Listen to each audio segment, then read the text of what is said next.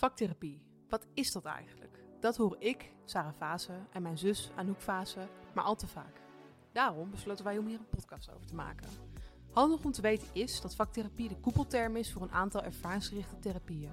Hieronder vallen beeldende therapie, dramatherapie, muziektherapie, psychomotorische therapie, psychomotorische kindertherapie, speltherapie en danstherapie. Voor veel mensen is dit vakgebied nog onbekend, terwijl het in alle hoeken van de samenleving te vinden is. In deze podcast nemen we je mee in een reis door het landschap van vaktherapie. In iedere aflevering schuift er bij onze gasten aan vanuit steeds een andere discipline. Het gesprek zal gaan over de doelgroep, behandelmethode, werkplek of het onderzoek waar de gast zich mee bezighoudt. Met voorbeelden uit de praktijk zullen we je kennis laten maken met de wereld van vaktherapie. Dit is Vaktherapie, de podcast. Welkom, fijn dat je luistert, Vaktherapie de podcast. En we hebben een speciale aflevering dit keer. Aflevering eh, eigenlijk voor de week van de vaktherapie. En Sarah, die is op pad geweest. Hallo.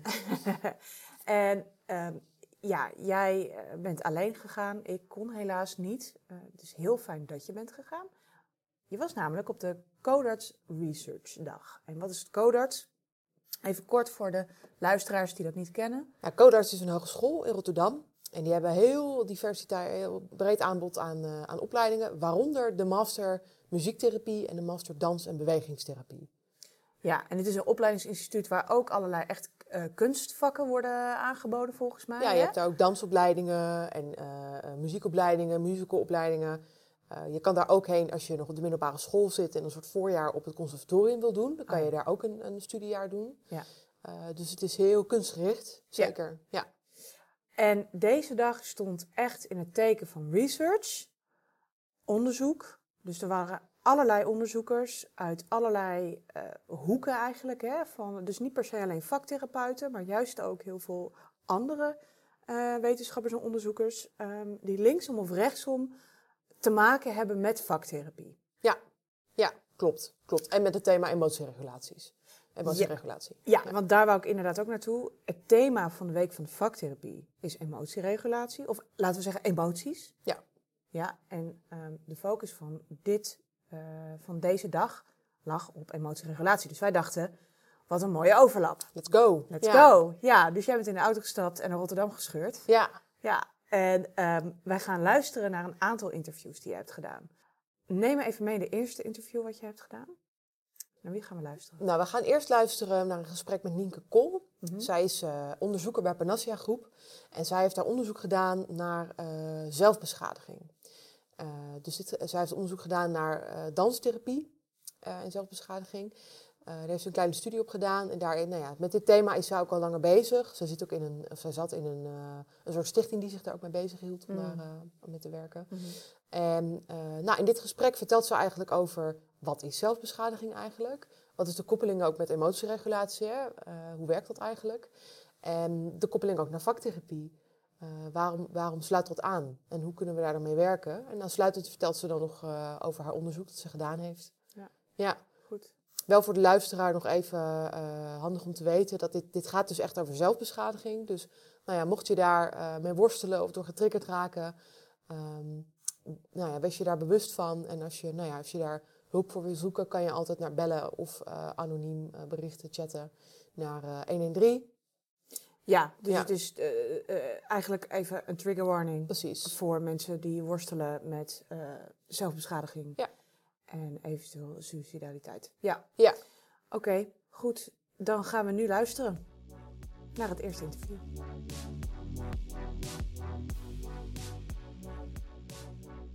Ja, hallo, daar zijn we weer met Vaktherapie, de podcast special voor de week van de vaktherapie. Vandaag op de Codarts Hogeschool in Rotterdam, waar er een Research Day is uh, vanuit de Master of Arts Therapies. En het thema van deze researchdag is emotieregulatie. Uh, ik ben hier alleen met uh, Nienke Kool. Anouk is er niet bij vanwege werkomstandigheden. Maar ik ben hier met Nienke Kool en zij is senior, senior onderzoeker bij de Parnassia Groep. En daarnaast is zij verbonden aan Stichting Zelfbeschadiging. Welkom in de podcast. Dankjewel, Sarah.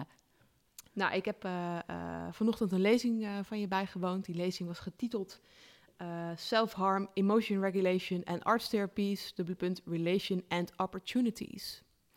Heel interessant. Mhm. Ehm, het, het, het thema van deze researchdag is ook emotieregulatie. En je lezing focust specifiek op eh, zelfbeschadiging, zelfbeschadigend gedrag. In combinatie met vaktherapie. Zeker, Eh, heel interessant, wel een pittig onderwerp. absoluut. Ja. Eh, mag ik vragen, eh, hoe ben je uitgekomen bij dit thema? Want hier wer- werk je al heel lang aan. Hier werk je heel lang mee ook als onderzoeker. Ja. Eh, Ja. Hoe is dat zo gekomen? Ja, dat is gekomen doordat ik in de praktijk in aanraking kwam met mensen die zichzelf beschadigden. Ik ben van oorsprong verpleegkundige. En zo'n 30 jaar geleden ben ik begonnen in de psychiatrie. en kwam ik op een afdeling mensen tegen die zichzelf beschadigden. Daarvoor had ik er nog nooit van gehoord. Ik wist niet wat het was en ik wist niet wat me overkwam. En ik was daar zo verbaasd over dat juist mensen die ernstig getraumatiseerd waren, die heel veel hadden meegemaakt in hun leven, zo doorgingen met zichzelf te beschadigen. Dus ik werd daar heel nieuwsgierig van ehm, en daar was weinig over bekend. Ehm, dus toen ik op een gegeven moment verder ging studeren ehm, en ik ook eh, en onderzoek een belangrijk onderdeel werd van mijn opleiding, was opleiding verplegingswetenschap. Toen ging mijn onderzoek uiteraard over zelfbeschadigend gedrag. Dus daar werd het begin gemaakt voor een eh, onderzoekscarrière, helemaal gericht op dit thema. Ja, ja, precies. Ja. Ja. Ja, Dat, eh, omdat het onderwerp me echt heel erg intrigeerde. Ehm, en ik toen ontdekte dat het onderzoek ook leuker en belangrijker was dan ik van tevoren had ingeschat. Dus die combinatie, die werd, eh, nou, die werd hem gewoon. Ja, ja mooi. mooi. Hey, en voordat we de koppeling gaan maken naar vaktherapie, zou ik graag nog even in willen zoomen op het thema zelfbeschadiging. Want hè, eh, voor de duidelijkheid, wat verstaan we precies onder zelfbeschadiging? Even voor de leek die helemaal niet in de zorg werkt. Ja, ja, wat wat ja. betekent dat? Ja, nou, zelfbeschadiging is dat, is, is dat iemand zichzelf pijn doet zijn, of niet, en zijn eigen lijf beschadigt. Zonder de bedoeling om daar dood aan te gaan, maar vanuit een bepaalde behoefte om dingen te reguleren. En die dingen reguleren gaat een soort van onderbewust, maar het zijn mensen die zitten klem, die voelen van alles of die voelen juist helemaal niks. En er is een hoop aan de hand. Ehm, en ze weten niet hoe ze verder moeten op dit moment, maar ze willen wel graag verder. En door dan je, je eigen lijf te beschadigen, ehm, werkt dat op zo'n manier dat er weer ruimte komt om verder te gaan. Ja. Dat is het in, heel in het kort. Ja, even compact. Hey, en welke vormen van zelfbeschadiging eh, zijn er? Wat zijn de meest, de meest bekende? Dat is natuurlijk een beetje een nare vraag, maar wel Ja. om te weten. Nee, er zijn heel veel vormen. Eh, de meest bekende is snijden, krassen, branden, hoofdbonken, botten breken. Eh, medicatie slikken meer dan voorgeschreven is. Ehm, eh, dingen drinken en eten die daar niet voor bedoeld zijn. Maar eigenlijk is de lijst eindeloos. En mensen die het nodig hebben, vinden altijd een manier eh, om zichzelf te beschadigen. Ja, en dit, dit klinkt als allemaal fysieke handelingen die je kan doen. Hè? Het gaat ook over gedrag. Ja, en in je lezing je, noemde je ook dat bijvoorbeeld mensen in relationele patronen kunnen stappen. Waar een soort van impliciet een doel lijkt te zijn om zichzelf te pijnigen. Ja, ja, ja, dat klopt. Hè. Dat zijn van die grijze gebieden eh, waarbij het minder duidelijk is. Eh, maar wat ik noemde bij de lezing was inderdaad dat eh, sommige mensen altijd relaties hebben die, ehm, waarin ze vernederd worden, waarin ze uitgescholden worden, waarin ze de sloof zijn en allerlei dingen moeten doen die ze eigenlijk niet graag willen, maar die wel van hun gevraagd en geëist worden. En soms ook waarbij er heel veel klappen vallen. Ehm, maar, en je ziet dat sommige mensen echt een patroon hebben van dit soort relaties. En dat is op een andere manier heel erg beschadigend. En dat blijkt ook iets te zijn vaak eh, dat mensen dit nodig hebben om bepaalde interne processen te reguleren. Ja, hey, en dan vroeg ik me ook nog af, hè, want dat heb ik natuurlijk al meegekregen in de lezing, maar voor de luisteraar wel interessant. Welke groepen mensen, en dan denk ik bijvoorbeeld aan eh, gendergroepen, ehm, zijn er hier het meest kwetsbaars voor? Of waar komt dat het meeste voor? Zijn daar, is daar een duidelijk tussenverschil in? Ja, n- nou weet je, aan één kant kan iedereen zou het kunnen doen. Hè? Dus je moet altijd voorzichtig zijn om mensen eh, direct in een hokje te plaatsen als je iemand tegenkomt die zichzelf beschadigt. Eh, tegelijkertijd zien we ook dat sommige mensen er gewoon kwetsbaarder voor zijn. En dat zijn de mensen die eh, niet of heel slecht geleerd hebben om hun emoties te reguleren, om daarmee om te gaan. Mensen die heel erg veel worstelen met emoties, omdat ze allemaal hele nare dingen meegemaakt hebben. Soms in hun hele vroege jeugd. En soms op latere momenten eh, in hun leven. Ehm, hè, en het gaat heel erg over draagkracht en draaglast. Uh, en er zijn bepaalde dingen die de draag, uh, draaglast heel erg verhogen. Zoals bijvoorbeeld verschillende vormen van um, mentale problemen. of ernstige vormen van, van trauma, of vroegkindelijk trauma. of bepaalde persoonlijkheidskenmerken van heel erg kritisch zijn naar jezelf. met ook heel erg negatief lichaamsbeeld. Impulsieve mensen, mensen met heel erg veel angsten. Um, nou, het is een heel complex aan, uh, aan kwetsbaarheden die maakt dat uh, zelfbeschadiging soms de enige manier is om om te gaan met al de heftige dingen die je in het leven soms mee kan maken. Ja, het lijkt daarin haast wel, als ik het zo voor me zie, van als je niet meer invloed uit kan oefenen op de externe wereld om jou heen, maar, die het wel, maar daar iets, iets daarin het heel ondraaglijk voor jou maakt, en dat jij je daarin, door er intern natuurlijk ook vreselijk gaat voelen. Mhm. Dat dan de enige manier om dat nog op te lossen voor je gevoel is het maar op jezelf te richten. Die frustratie en die emotie. Ja, voor een deel is dat zo, maar voor een deel is het ook wel uh, die, dat het heel erg binnen iemand zelf speelt. Hè? Dat Ja, iemand ja, hele, ja. hele heftige dingen me- meegemaakt heeft, vroeger bijvoorbeeld, die, eh, waar op dat moment niemand was om, om dat mee te delen. Dus hè, die buitenkant speelt zeker ook wel een rol. Eh, maar ehm, dat iemand zo gewend is om het altijd in zijn eentje uit te moeten eh, eh, zoeken en dat dat te groot is om alleen te dragen. Eh, en dat op een gegeven moment ehm, ehm, eh, mensen daar zo in vastlopen en dat die zelfbeschadiging is wat hun helpt eh, daarin. Ja, Ja. om daar nog een output voor te vinden, zeg maar. Ja, ja. En ik zie daar ook wel een parallel met eh hè, suiciderisico. Ehm, ik was ooit op een congres over suicidepreventie en postventie. En daar werd toen gesproken over suicidaal gedrag. En dat Hm. er een discussie gaande is momenteel op die wereld, in die wereld over of zelfbeschadigend gedrag daaronder geschaard moet worden. Ja. Eh, wat, wat denk je daarvan? Ja, ehm, ik, ik herken de discussie. Ehm, en ehm, zelfbeschadiging gaat heel specifiek niet over dood. Hè, mensen die zichzelf beschadigen, die op dit moment lopen ze vast, maar ze willen heel graag door met het leven. En die zelfbeschadiging die helpt om door dit moment heen te komen, zodat ze juist door kunnen gaan. Dus in die zin onderscheidt het zich echt van suicidaal gedrag. Ehm, terwijl we ook wel weten, eh, ook uit onderzoek weten we dat, dat zelfbeschadigend gedrag wel een risicofactor kan zijn voor het later ontwikkelen van suicidaliteit. En dat heeft te maken met eh, vooral eh, zelfbeschadiging reguleert allerlei interne processen. Ehm, er zit vaak, daar is vaak veel voor nodig om, daar, ehm, eh, om die op te lossen, met therapie en dat soort dingen. En de zelfbeschadiging werkt zolang er hoop voor de toekomst is. Maar als situaties niet veranderen, als die problematiek maar blijft bestaan, ehm, als de wereld alleen maar donkerder is en er nog meer ellende bij komt, dan, dan verliezen mensen soms ook het vertrouwen dat het ooit nog goed komt. En zo, als, zodra er meer wanhoop komt en meer, meer hopeloosheid dat het ooit nog goed komt, dan heb je kans dat mensen richting de suicidaliteit gaan en dat ze denken, nou dood is het enige wat nog een oplossing biedt voor datgene waar het, eh, waar het in speelt. Dus, het, dus in sommige gevallen is er echt wel een soort glijdende schaal. Terwijl er ook wel mensen zijn ehm, die zoiets hebben van... Ik, ga, ik zal nooit een eind aan mijn leven maken. Dus er is verschil. Ehm, dus het is heel belangrijk om dat altijd weer uit te vragen bij iemand. Wat is het wat jij zocht? En eh, waarom deed je dit? Ja. Wat heb je nodig? Ja, waar komt het vandaan? Wat maakt dat je dit doet? Ja, En Ja. wat naar dat je voelt dat het nodig is. absoluut. Dat het je enige uitweg is, of je, ene- je enige manier van doen om af te komen van die spanning of emotie. Ja, Absoluut. ja, Ja. vreselijk. Ja. ja, ik ben ook nog wel benieuwd, hè, naar, daar zat ik over na te denken tijdens je lezing, ehm, of er een koppeling te zien is naar verslavingsgedrag. Omdat eh, een pijnprikkel natuurlijk ook endorfine vrij kan laten. Hè. Dat, dat is een soort gelukstofje wat in je brein eh, aangemaakt wordt Mhm. dan, wat Mhm. een fijn gevoel kan geven. Eh, en we zien ook in de verslavingswereld dat als je de, herhalend zo'n trigger op je brein legt, dat je daar een verslaving voor ontwikkelt. Ja. Is dat ook iets wat we zien bij mensen die doen aan zelfbescha- zelfbeschadiging?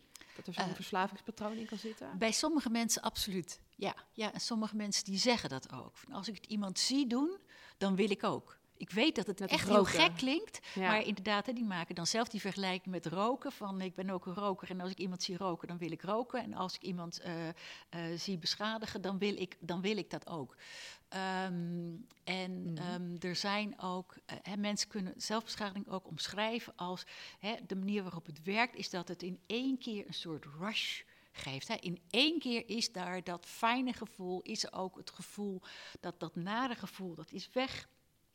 Ehm, en dus die. En alle alternatieven die er zijn, want er zijn echt alternatieven, eh, maar die werken geen van allen zo goed en zo direct als de zelfbeschadiging. Plus dat je van zelfbeschadiging steeds meer nodig hebt om hetzelfde effect eh, te bereiken. Ehm, wat je ook ziet is dat er ehm, dat mensen raken vrienden kwijt omdat ze, hè, hè, dus, en ook dat zie je bij verslaving. Dus er zijn echt wel parallellen. Ehm, maar ehm, het geldt niet voor iedereen. En niet iedereen is natuurlijk ook verslavingsgevoelig. Nee, ook dat, nee. is, dat zien we natuurlijk ook bij verslaving. Waarom raakt de een wel verslaafd en de ander niet? Hoe zit dat? ook- Ja. ja. Ja. en datzelfde zien we ook wel bij zelfbeschadiging. Eh, maar het is wel zeker iets om mee te nemen en in je achterhoofd te hebben. Want het maakt het nog lastiger om ermee te stoppen als je ermee zou willen stoppen. Ja, kan ik me goed voorstellen, absoluut. En dat lijkt me ook een, een belangrijk thema in de behandeling dan, hè, als je het aan gaat vliegen. Dat naast de hele, het hele emotieregulatiestuk, dat je ook gewoon kijkt naar, oké, maar hoe, bettelen, hoe pakken we die verslaving aan? Ja, ja. Eh, en daar heb je toch echt wel weer een andere benadering voor nodig, lijkt me. Zeker, ja. Ja, Ja. want hè, speaking of die behandeling, eh, hè, in de presentatie had je het ook over een onderzoek dat je hebt uitgevoerd. Een kwalitatief onderzoek eh, gericht op een dans- en bewegingstherapeutische interventie Mhm. die gedaan is bij cliënten bij jullie eh, instelling. Ja. Kan je ons daarin meenemen? Wat, wat, waar ging dat onderzoek precies over? Ja, heb je gedaan? Ja, dat onderzoek dat ging eigenlijk dan weer niet specifiek over zelfbeschadigend gedrag. Ehm, terwijl de mensen die, ehm, die deelnamen aan het onderzoek, dat zijn wel mensen die zich ook beschadigen, maar daar was niet de focus op. Dus daar hebben we niet naar gekeken, maar wel, het waren allemaal mensen met vroegkindelijk trauma. Eh, die daarvoor in behandeling zijn en die als een van de behandelvormen krijgen ze danstherapie. Het is een afdeling waar groepstherapie plaatsvindt. Alles vindt plaats in de groep, dus ook de danstherapie vond plaats eh, in de groep. Ehm, en eh, daar binnen dat onderzoek hebben we de, de patiënten van de afdeling geïnterviewd over wat zij vonden van die danstherapie en wat ze daarvan, ehm, ehm, wat hun ervaringen daarmee waren. Ehm, en ehm, we hebben zeven eh, vrouwen kunnen, eh, kunnen interviewen. Eh, en zij vonden het allemaal, allemaal gaven ze aan dat ze het positief vonden en dat ze er veel aan gehad hadden. Ook dat ze het ingewikkeld vonden aan het begin en dat het wat ongemakkelijk voelde, maar dat ze gaandeweg daar steeds meer in konden komen. Ehm, en wat het vooral opgeleverd had, is dat ze er een soort lichaamsbewustzijn ontstond. Ehm, en dat is heel belangrijk, omdat juist deze groep mensen zo ontzettend ehm, ehm, eh, disconnected zijn van, het, van, van hun lichaam. Er is een soort scheiding tussen hun hoofd en het lijf. Waardoor ze zo slecht in contact zijn met wat er allemaal in hun lijf gebeurt. En juist bij trauma eh, zit er zoveel in het lijf. Dus het is zo belangrijk om daarbij te komen.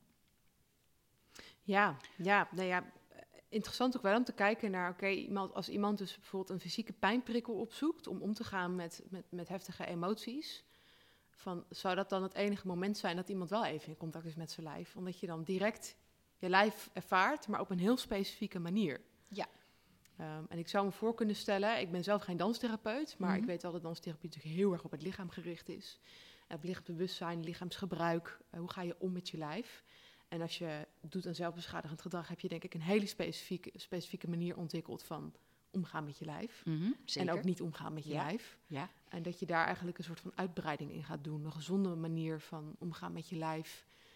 En voelen wat gebeurt er nog meer in mijn lijf. In plaats van alleen die vaste pijnprikkel die ik eraan, die, ik- die ik eraan toe doe. Ja, ja. ja. Ja, nou ja, en, en, en, en dat, is, dat zijn echt allemaal hele interessante dingen, hè, waarvan we willen weten hoe zit dat nou en hoe werkt dat nou? Want hè, specifiek naar danstherapie en zelfbeschadiging ehm, is mij geen onderzoek bekend. Hè, dus er is wel veel uh, danstherapie, wordt gelukkig steeds meer inge, uh, ingevoerd, want ik denk echt dat we veel te verbaal zijn, vaak in uh, therapieland. Um, en er zijn. Um, er zijn zoveel processen waar mensen bijna geen woorden voor kunnen vinden, terwijl het wel belangrijk is dat het gaat stromen en dat mensen erbij komen.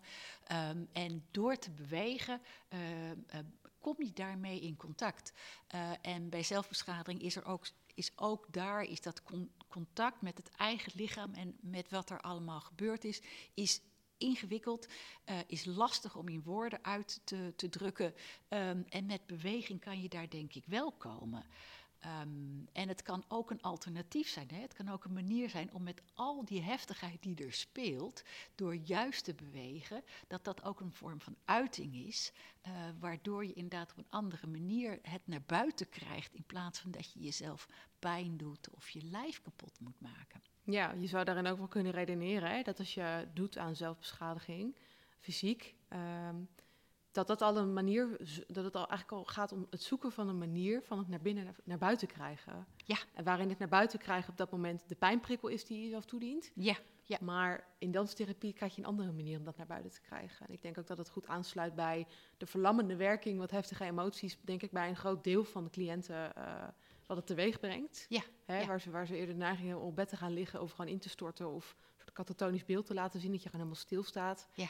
En dan letterlijk weer in beweging te komen. Ja, Ja. ja. hè, dat mensen helemaal in elkaar kruipen en, de- en echt letterlijk onder de dekens gaan liggen. En het idee dat je dan afgescheiden bent van de wereld. Maar daarmee gaat je innerlijke proces nog steeds door. Ja, dat stopt niet. Ehm, dat stopt niet en dat moet naar buiten en dat moet, je, ehm, dat moet je kunnen en durven delen. En door dat in zo'n beschermde ehm, ehm, eh, omgeving van een therapie met een therapeut die daar gevoelig voor is, die dat kan begeleiden, eh, die daar en, en die dat die connectie gaat maken, ehm, waardoor je merkt dat het gaat stromen en dat er dingen naar buiten komen.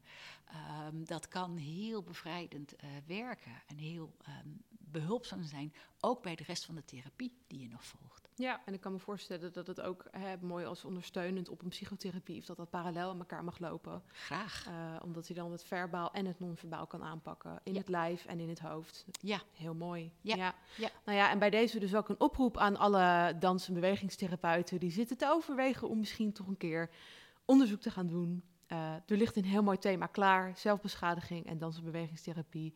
Pak hem aan, want eh, volgens mij is daar een heel veel werk in te verzetten en onderzoek in te verrichten.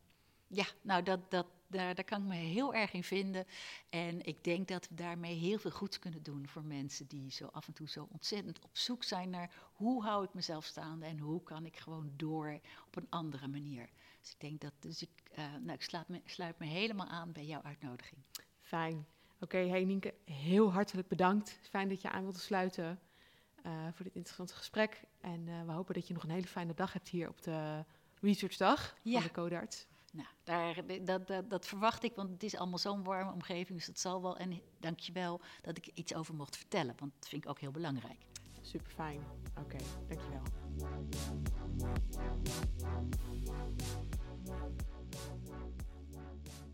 Ja, dat was het interview met Nienke Kool.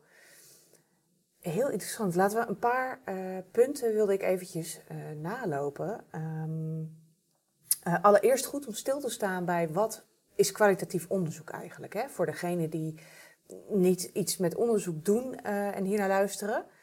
Ja, dat is op zich wel handig om te weten. Hè? Ja. Ik kan me zo voorstellen dat je dan denkt van, oh ja, maar alle, onder, alle onderzoeken moeten een goed kwaliteit, goede kwaliteit hebben. Eh, kwalitatief onderzoek is eigenlijk een manier van onderzoek doen waarop je je richt op het onderzoeken van de ervaringen van mensen. Bij kwantitatief, dat is de andere vorm, gaat het eigenlijk om cijfers verzamelen. En die cijfers die geven een bepaalde vorm van data. En dat zegt dan iets over wat je onderzocht hebt.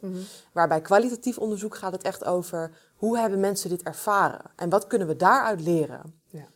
Nou ja, eigenlijk dat. Oké, Ja. ja, duidelijk. Ja. Wat mij opviel, uh, waar ik ook nog even bij stil wilde staan, was dat, dat onder zelfdestructief gedrag of onder zelfbeschadiging, dat stukje over relaties wat ze zei. Dat je dus ook, hè, dat dat ook onder uh, zelfbeschadiging kan vallen. Dat, je, dat je hele destructieve uh, relaties met mensen opzoekt. Ja, zeker. Dat was ook iets waar ik me helemaal niet zo bewust van was dat dat inderdaad ook daaronder valt. Hè? Ik bedoel, mhm. ik denk dat iedereen wel uh, iemand kent die, een, die, die, hè, die bijvoorbeeld altijd relaties heeft. Of die nooit uh, zonder partner kan, of altijd partners kiest met een bepaald uh, gedragspatroon. Hè, Die hadden hetzelfde type, zeg maar. Um, ja, dat, dat, vond ik, nou ja, dat vond ik heel, heel striking, zeg maar. Van, ja. Oh ja, ja, inderdaad. Heel, dat, dat, dat, nou, dat zijn van die dingen waar je gewoon dan niet bij stilstaat. Ja. ja. ja. En wat ik ook heel mooi vond, als we het hebben over um, emotieregulatie um, is dat, dat, dat in beweging komen, dat dat zo centraal stond. Hè? Dat zij zei van, goh, het, het, de kracht van, van dat, dat dansen, dat bewegen, dat dat echt is dat je door te bewegen in contact komt met gevoelens die moeilijk onder woorden te brengen zijn. Maar eigenlijk via dat bewegen wel een uitingsvorm krijgen.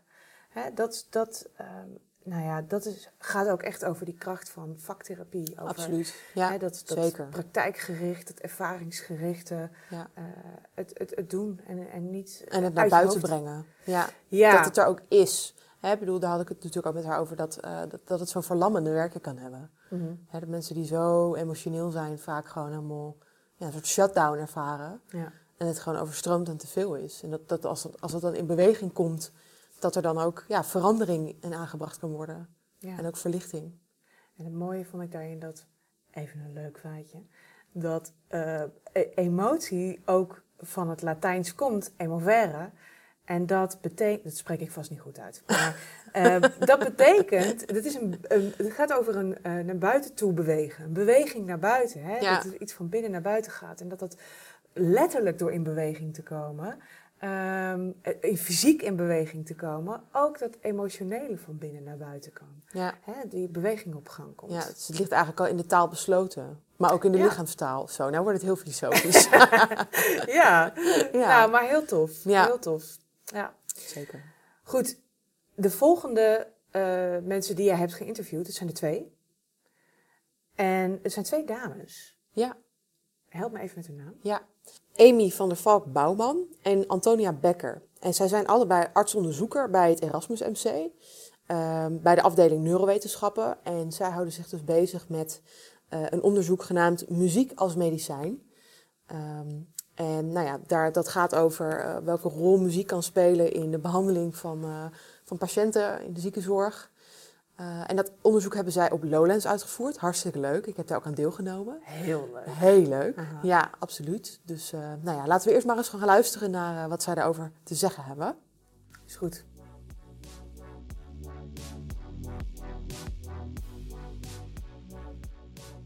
Nou, ik zit hier vandaag met Amy van der Valk Bouwman en Antonia Becker. Anouk Fase, mijn zus, is er helaas niet bij. Die kon er niet bij zijn vanwege haar werk. Um, maar ik zit hier wel met uh, twee promovendi uh, van de Erasmus Universiteit. En zij zijn uh, artsonderzoekers. En zojuist hebben jullie een lezing gegeven getiteld Music as Medicine. Nou, allereerst welkom in de podcast. Ja, heel erg bedankt. Leuk dat we hier mogen zijn. Bedankt. En leuk dat jullie willen aansluiten. Jullie hebben net een lezing gegeven over welke rol muziek als medicijn kan gaan spelen. Kunnen jullie daar even kort, music as medicine, wat, is, wat bedoelen jullie daarmee? Uh, ja, zeker. Um, ik ben inderdaad dus Amy, artsonderzoeker bij Muziek als Medicijn in het Erasmus MC. En Muziek als Medicijn is een onderzoeksgroep opgericht door professor Jekel. Dat is een oud chirurg die zag dat muziek een positief effect had bij zijn patiënten rondom operaties.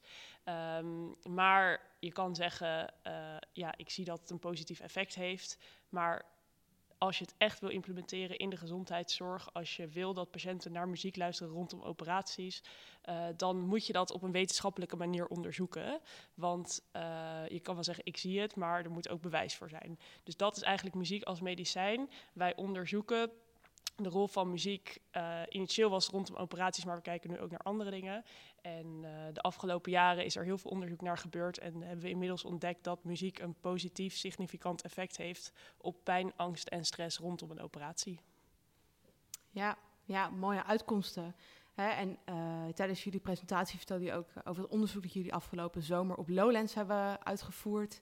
Daar heb ik zelf ook aan deelgenomen. Dat ging over hè, als je naar een specifiek muziekgenre luistert, wat doet dat dan met je pijngrens? Uh, dat werd getest doordat je um, je hand in een bak ijswater moest houden en geklokt werd hoe lang je dat volhield. Uh, waarbij de muziekgenres gerandomiseerd waren. Um, kunnen jullie iets vertellen over de uitkomsten van dat onderzoek? Ben ik even benieuwd naar. Um, ja, we kunnen nog niet echt iets definitief zeggen, helaas, omdat we echt nog bezig zijn om al de papiervragenlijsten op het moment in te vullen en uh, ja, alle analyses te draaien. Het lijkt erop dat alle genres echt dicht bij elkaar zitten qua tijd hoe lang de vrijwilligers um, de cold pressure test, dus de pijnprikkel, hebben volgehouden. En um, ja, we zijn vooral ook benieuwd om daarna nog um, te analyseren hoe muzieksmaak ook invloed heeft op, uh, op het volhouden van de pijnprikkel dus. En daar, ja, we hebben wel een uitgebreide vragenlijst afgenomen. En daar gaan we ook sowieso nog, ja, zijn we nu nog bezig met analyses, analysesterrein en echt te kijken of, ja, of genre misschien toch niet uitmaakt. En toch eigenlijk de ja, eigen voorkeur van de vrijwilliger of in het ziekenhuis dus van de patiënt veel belangrijker is. Ja, ja oké, dus daar moeten we nog even op wachten tot de definitieve uitslag van uh, van het onderzoek. Um, ik moet ook wel heel erg denken aan receptieve muziektherapie. En ik weet niet of, of jullie daar heel bekend mee zijn als artsonderzoekers. Niet heel erg eigenlijk, dus ik ben ook wel benieuwd uh, welke link je legt. Ja, nou ja, ik ben zelf beeldend therapeut, dus ik kan natuurlijk niet nu super uh, diep inhoudelijk ingaan op muziektherapie. Maar uh, hè, in de receptieve muziektherapie wordt muziek ingezet, wordt het luisteren van muziek ingezet om te werken aan bepaalde behandeldoelen. Uh, ik, ik, heb onlangs wel stukken voorbij, uh, zien komen over receptieve muziektherapie, bijvoorbeeld bij mensen met dementie. Dat als je bepaalde muziek gaat afspelen, dat er een bepaalde reactie ontlokt kan worden of een bepaalde uh, emotie opgeroepen kan worden.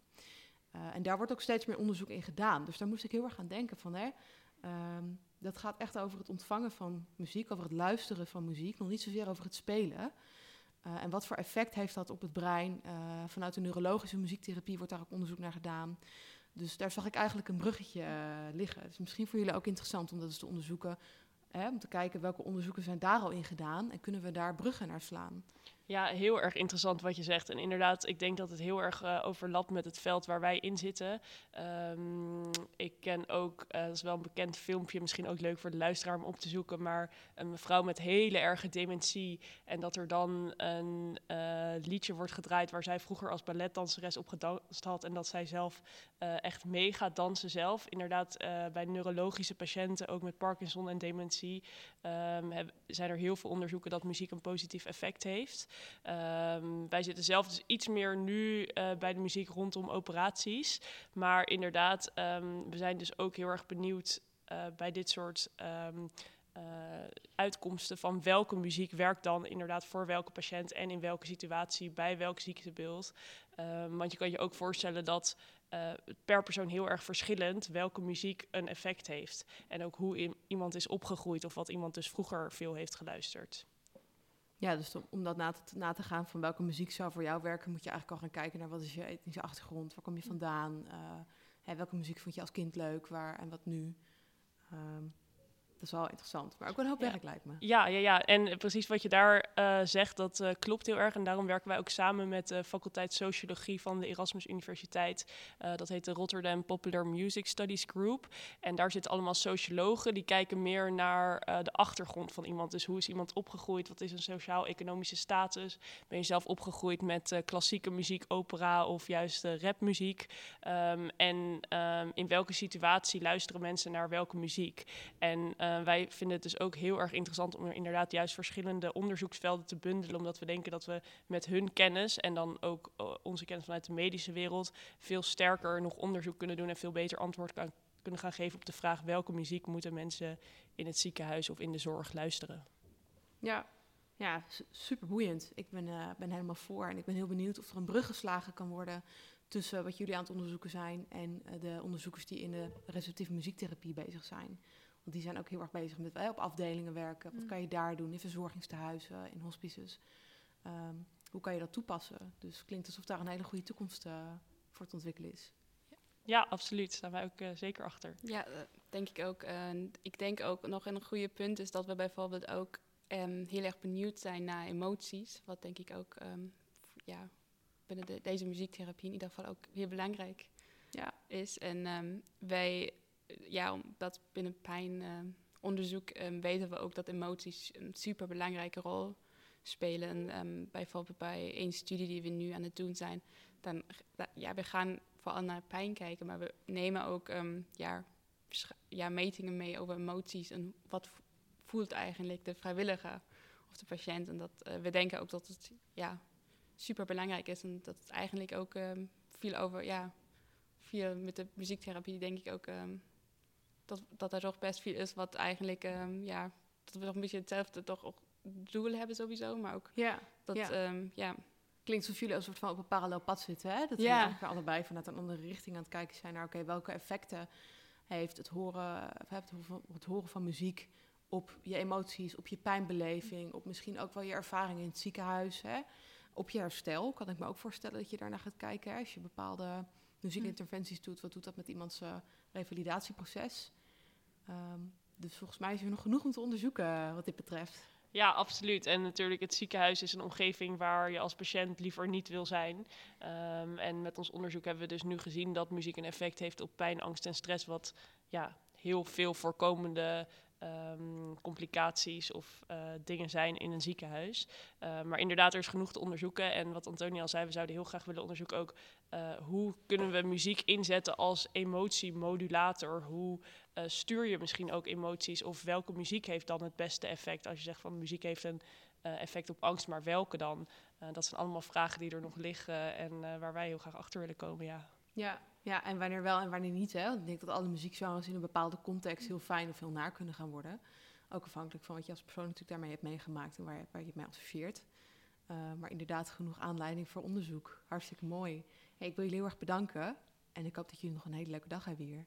Ja, absoluut. Gaat zeker lukken. heel erg bedankt. Waar kunnen nog één vraagje? Waar kunnen we jullie onderzoek volgen? Eh www.muziekalsmedicijn.nl staat alle informatie. En eh, we zijn altijd eh, open ook op de mail en eh, social media. Dus eh, leuk. Kijk, hartstikke tof. Dank jullie wel.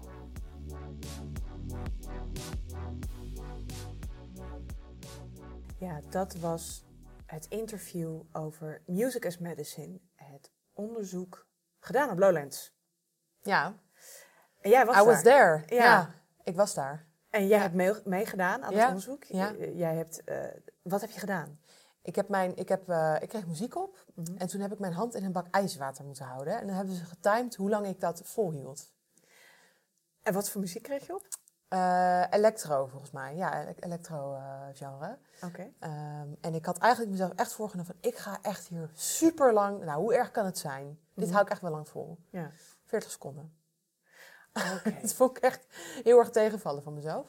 Ehm, Het deed echt maar pijn. Het doet echt ontzettende pijn. Ja, dat doet heel erg pijn. Alsof je hand in het vuur houdt, zeg maar. Omdat het Oh. echt... Het is echt ijswater. Ja. Ik snap ook niet hoe mensen in IJsland dan lekker een ijsbad nemen. Dat, eh, Nee. sorry Wim Hof, maar niet voor mij. Ja. En zou het dan nog kunnen schelen op welke dag je gaat voor?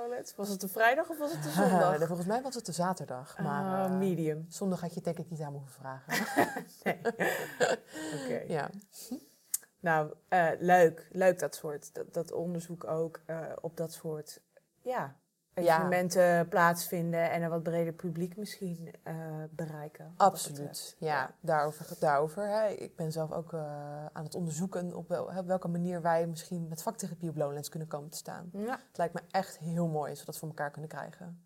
Dus als we nog mensen luisteren van Lowlands die daar iets mee te maken hebben, hi, wij hebben daar interesse in. Ja, wij hebben hier goede ideeën over. Wij hebben hier goede ideeën over. Maar goed, dat, dat terzijde. Ja.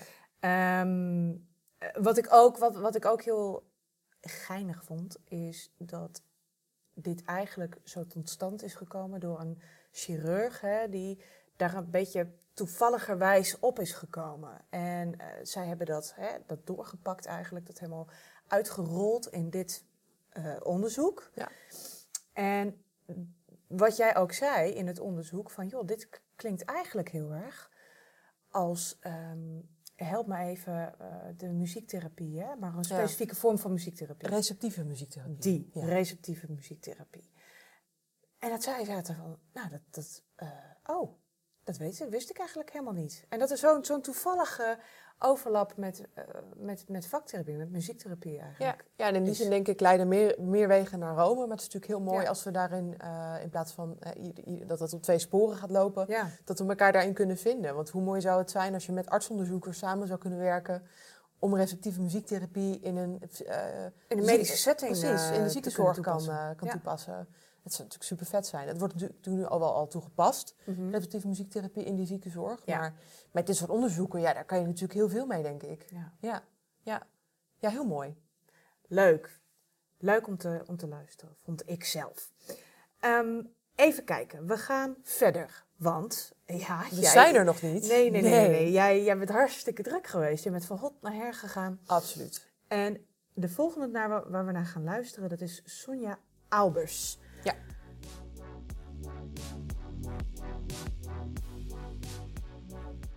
Ja, hallo, welkom terug bij Vaktherapie, de podcast. Ik zit hier met dokter Sonja Albers. Hallo, welkom. Ehm, en wij zijn hier op de Codarts Research Day over emotieregulatie. Eh, en zojuist, eh, Sonja, heb jij een workshop gegeven in emotieregulerende improvisatorische muziektherapie, of EIMT. Ja, Die eerste vond ik een hele mond vol. Ja.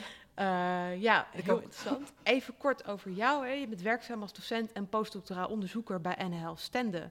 En gastdocent bij de Master Vaktherapie. En daarnaast heb je echt ruime ervaring in het geven van muziektherapie.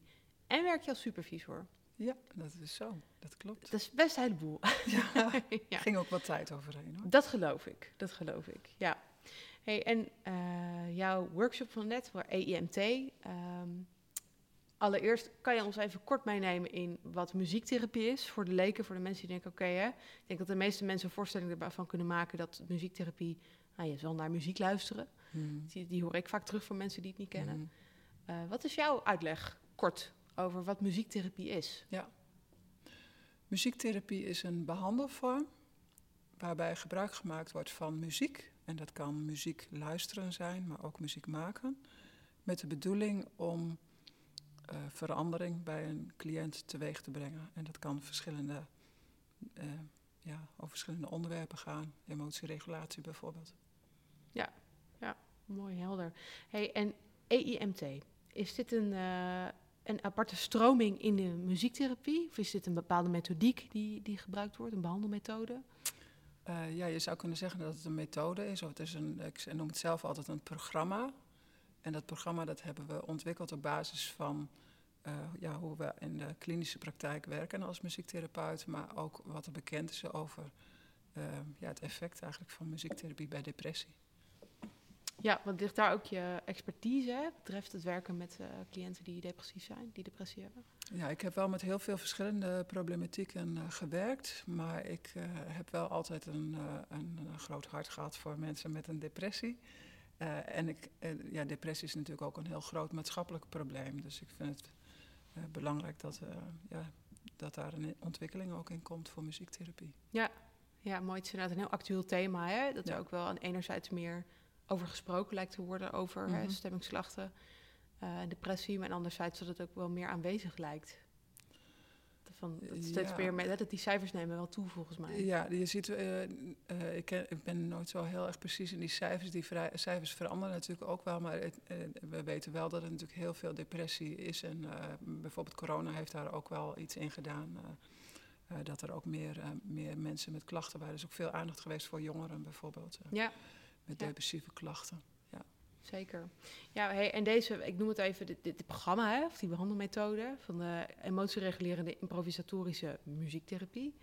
Kan je ons in grove lijnen meenemen, eh, zonder een al te technische Ja. uitleg over wat, wat, wat is dit, waar gaat dit over? Ja. Het, Oké, het gaat over emotieregulerende, na na na, Ja, ja. Maar, maar hoe dan? Ja, het, het, is, eh, het is dus een muziektherapieprogramma. Eh, het, richt zich, het richt zich op emotieregulatie, dus op het verbeteren van de emotieregulatie. En eh, we gaan er daarbij vanuit dat we daarmee ook een positieve invloed kunnen uitoefenen op, uh, op de depressie. Uh, in dat programma wordt er actief muziek gemaakt en dan in het bijzonder geïmproviseerd op een afgebakende set van instrumenten, marimba, cello en de djembe. Het is een individueel programma, maar momenteel hebben, we zijn eigenlijk ook bezig geweest om er ook een groepsprogramma van te maken. Dus dat is er nu ook. Um, het is dus individueel en uh, het gaat over, uh, of het zijn tien sessies waarin een cliënt wekelijks met een therapeut samen improviseert. En waarbij de cliënt steeds de regie heeft en de therapeut aansluit. Met de bedoeling dus om invloed uit te oefenen op die emotieregulatie. En daarmee ook die depressieve klachten positief te beïnvloeden. Ja, ja. Ja, dat is wel interessant. En dan ben ik wel benieuwd hè, van hoe, heel concreet, hoe, hoe uh, werk je die invloed uit? Hè? Stel binnen een sessie, het Mhm. gaat over mensen die, uh, die, die depressief zijn, die met Mhm. depressie ontlopen. Uh, de therapeut sluit aan Ja. in het improviseren. En moet ik dat zien als co-reguleren? Of hè, hoe pak je die emotieregulatie daarmee? Aan. Ja. Ja. Wat wij uh, doen, eigenlijk als, als je kijkt naar zo'n sessie, hoe, hoe ziet dat er dan eigenlijk uit? Wat je dan ziet is dat uh, de therapeut nodigt de cliënt uit om te beginnen met spelen. Ja, natuurlijk eerst ook welk instrument wil je spelen. Uh, en nodigt dan de, de cliënten uit om te gaan spelen. De therapeut kiest hetzelfde instrument.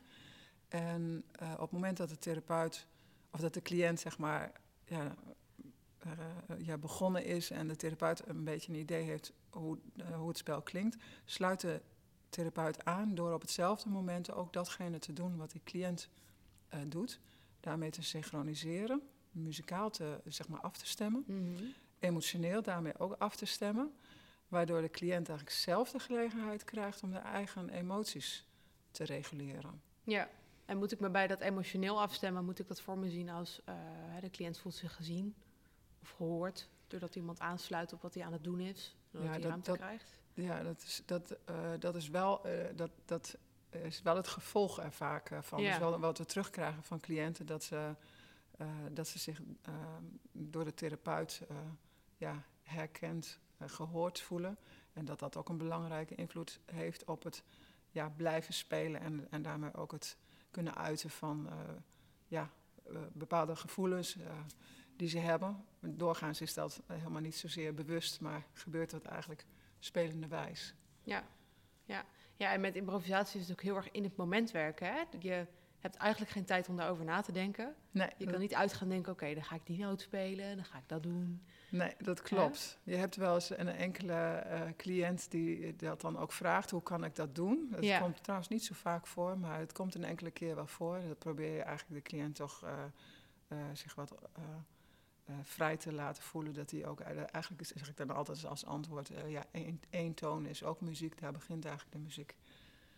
Dus um, ja, het is vrij, uh, vrij in het moment en het is, um, ja, het is ook een afwisseling zeg maar, van spelen en het daar ook over hebben. En die beïnvloeden elkaar natuurlijk ook. Dus als jij bijvoorbeeld zacht en langzaam speelt en je vertelt daarover, dan kun je bijvoorbeeld ook aangeven wat jou daarin geraakt heeft en wat je daarmee zou willen. En daarmee kan de cliënt zelf ook als het ware invloed uitoefenen op een volgende improvisatie. Ja, ja dat zagen we net ook terug in de, in de workshop. Hè? Dat er, er, er gebeurde iets in het improvisatiespel. En er werd daarna op gereflecteerd met de therapeut en met de, met de cliënt. Van Ja. hey, wat gebeurde daar? Zowel fysiek als in je hoofd. Wat voelde je? Wat zag je? Hoe ging je om met het instrument? Ja, Uh, dat je daar eigenlijk de, de koppeling maakt in het, hè, naar mogelijk een behoefte van hè, waar zou je nu op door willen? Ja. Wat zou je willen? Of wat mis je? Of waar wil je naartoe? Uh, en ik hoorde je ook over huiswerk. ja. Vertel. ja. Huiswerk is in de muziektherapie niet zo heel erg gebruikelijk. We zien het wel de laatste tij tijd wat opkomen, dat er uh, wat vaker huiswerk wordt gedaan. We zien het in de studies ook hier en daar ook wat terugkomen, ook als het gaat over muziektherapie bij depressie. Huiswerk zoals wij dat uh, toepassen is, uh, is een, ja, ja, eigenlijk wat je doet is je nodigt de cliënt uit om, om eerst als het ware te reflecteren of stil te staan bij wat heb ik nu ervaren, wat was daarin voor mij belangrijk, wat wil ik meenemen. Dus je vraagt de cliënt van stel dat je het zou willen meenemen. wat neem je dan mee? Nou, dat kan er bijvoorbeeld zijn nou, dat ik me wat meer ontspannen eh, voel of dat ik me prettig voel. Eh, en dan vraag je aan de cliënt hoe zou je dat kunnen gaan doen. En ja, dat probeer je zo de cliënt te helpen, zo concreet mogelijk te vertellen wat dat dan is.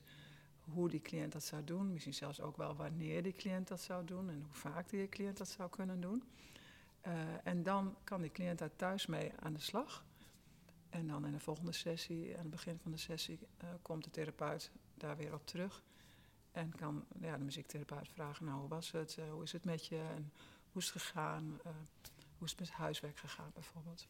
Ja, dus daarmee maak je heel duidelijk de, de koppeling naar de rest van het leven. Ja. Hè, waar ja. je een uur in de week therapie is natuurlijk heel fijn, maar ja. Hè, er gebeurt natuurlijk veel meer rond, daaromheen ook. Ja, het is natuurlijk belangrijk dat, uh, uh, zeker bij depressie, maar ook wel met andere klachten uh, en ook bij emotieregulatieproblematiek, die problematiek speelt zich in de basis speelt die zich af in de thuissituatie of op het werk of op school. en je wil ook graag dat er daar ja, impact is en een verandering is. En daarom is het ook belangrijk om niet alleen die ervaring en de therapie op te doen, maar die cliënt als het ware ook ja, te stimuleren en uit te nodigen om ook in de thuissituatie of in andere situaties buiten een therapie uh, ja, dingen anders te doen en daardoor ook anders te voelen. Ja, ja hey, en uh, denk, ik denk dat het heel belangrijk is om die transfer te maken. Ik denk dat dat voor alle therapievormen ook geldt. Mm -hmm. dat, dat we daar ja. meer aandacht voor mogen hebben ook. Zeker. Um, en nog even terug naar de workshop. Hè. We hebben verschillende werkvormen heb je gedaan met uh, studenten en deelnemers. Mm -hmm. um, wat neem je daar zelf aan mee als je net dit hebt aangeboden aan een groep? Uh, ja, dat is een mooie vraag. Wat neem ik daar zelf aan mee? Um, ik, ik, vind het, uh, ik vind het heel mooi eigenlijk om te zien hoe een, eigenlijk een relatief toch eenvoudige uh, vorm, waarbij eigenlijk heel afgebakend één techniek kiest en een afgebakende set instrumenten, dat er, dat er zowel voor de cliënten als ook voor de therapeut een wereld open kan gaan. en dat dat is, is niet altijd even makkelijk in woorden uit te drukken, maar dat je wel voelt dat het betekenisvol kan zijn.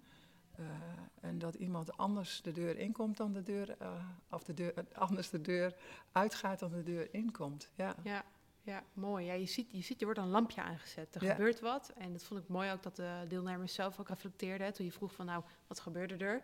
Dat er heel veel niveaus eigenlijk op tafel kwamen. Ja. Heel veel niveaus zelf, interpersoonlijk, van tussen jij, jou en ik. Ehm, ik en het instrument, ik en mijn lijf, ik en mijn hoofd. Op alle lagen gebeurde Ja. een heleboel. Ja. ja, en die konden wij als toeschouwers ook volgen. Maar het was ook heel duidelijk dat de mensen die, die het zelf deden, dat die, dat die daar doorheen gingen. Ja, ja, dat was heel mooi om te zien. Eh, dan zie je ook, eh, ja, we hebben natuurlijk in dit programma, hebben, daar ligt natuurlijk ook een theoretisch eh, eh, idee aan ten grondslag eh, van vijf verschillende eh, elementen die allemaal invloed hebben op die emotieregulatie. Dus je, je komt in actie, eh, dan ga je iets eh, laten horen, dus je drukt iets uit, dan ga je iets bij voelen. Eh, dat doet fysiek ook iets met je. je vindt daar ook iets van, je voelt daar iets bij. En al die elementen die beïnvloeden natuurlijk ook weer elkaar. En je ziet Ja. dat eigenlijk ter plekke, eh, ja, zie je dat gebeuren. Dat is natuurlijk mooi om te zien. Ja, echt bijzonder. Ik vind Ja. het ook heel mooi dat het eigenlijk heel minimalistisch is in die zin. Ja. Je hebt niet veel nodig Nee, om dit te doen, om dit al te ontlokken. ja, dat, dat Ja. klopt. En eigenlijk ook een hele eenvoudige vraag ook. Hè. Dus een eh, open vraag die zo behulpzaam kan, kan zijn om de cliënt zelf aan te laten geven van... Nou, wat was voor jou, of wat is er gebeurd eigenlijk? Hè? Ja. Wat heb je gedaan en wat was voor jou belangrijk? En, eh, kan je daar eens iets over vertellen? Of waar voel je dat?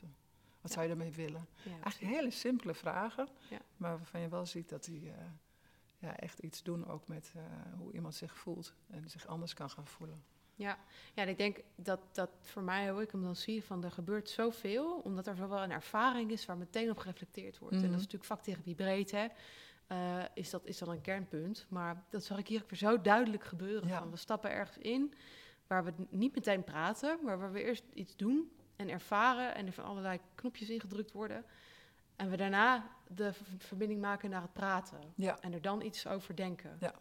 Waarbij denk ik ook nog heel belangrijk is om te zeggen, is dat zelfs in het moment dat je reflecteert, je als muziektherapeut daar ook in kunt synchroniseren. Eh, bijvoorbeeld als een cliënt bepaald, er was één cliënt, ik weet niet of je dat kan herinneren, die een soort beweging maakte van boven, die legde haar hand eigenlijk boven op de op borstkas en die maakte zo'n Ja. beweging naar beneden en de hand op de buik. Dat, dat, dat zelfs als je dat meebeweegt, dat, het- dat dan eh, de ervaring bij de cliënt ook eh, nog weer sterker kan zijn. Ja. En er een duidelijk, de cliënt een duidelijke woord of beeld heeft van wat er eigenlijk eh, gebeurt. In dit ge- geval ging het over eh, zakken met de ademhaling, hè, van buik, ja, van ja, bo- eh, borstademhaling. rustig centreren, rust Ja. Ja. ja, en het viel mij ook op dat zij in het begin toen ze aan het spelen was, op die, eh, ik wil zeggen kalimba, maar ze heet het niet, hè? Marimba. Een marimba. Ehm, dat ze diezelfde beweging met haar hand ook op dat instrument, daar begon ze Ja, mee. ja. Ja, dat vond ik bijzonder om te zien. Ja, Ja, hoeveel je ziet aan het ge- lichaamsgebruik. Ja. ja. Oké, hey, heel erg bedankt eh, voor het deelnemen en eh, heel veel plezier nog de rest van deze dag. Dank je en graag gedaan. Jij ook succes.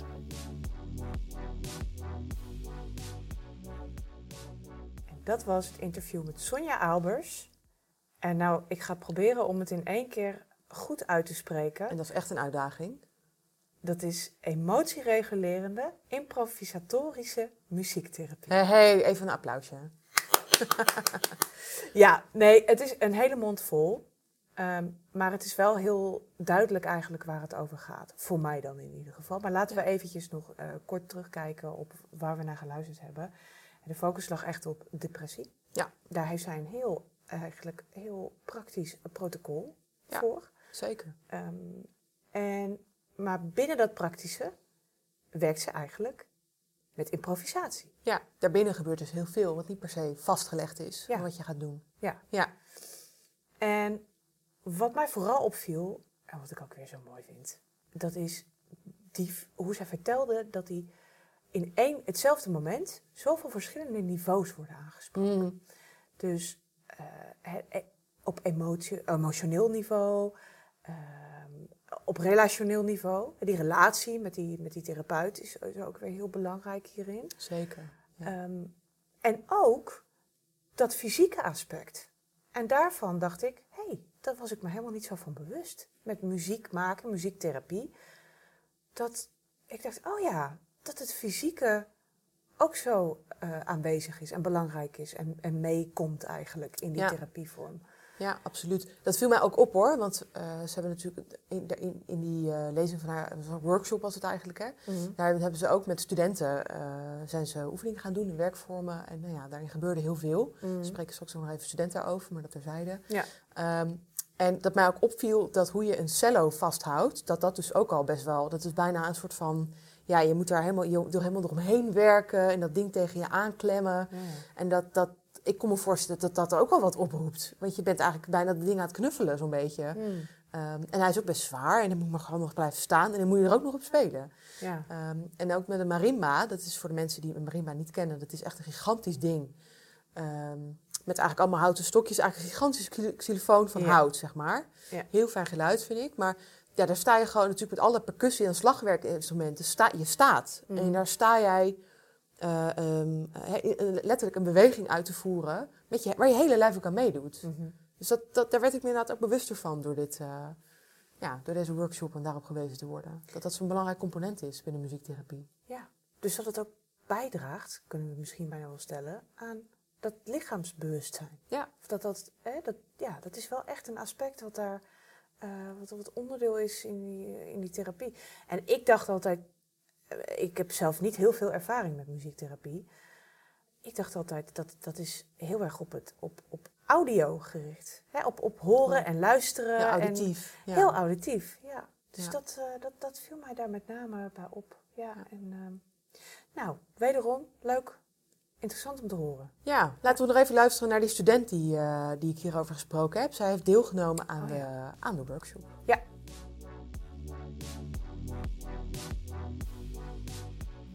Hallo, daar zijn we weer met Vaktherapie, de podcast. Ik heb eh, zojuist een workshop bijgewoond van eh, Sonja Albers, hier op de Codarts Hogeschool in Rotterdam. En ik zit hier met Mirjam. Hallo, Hallo.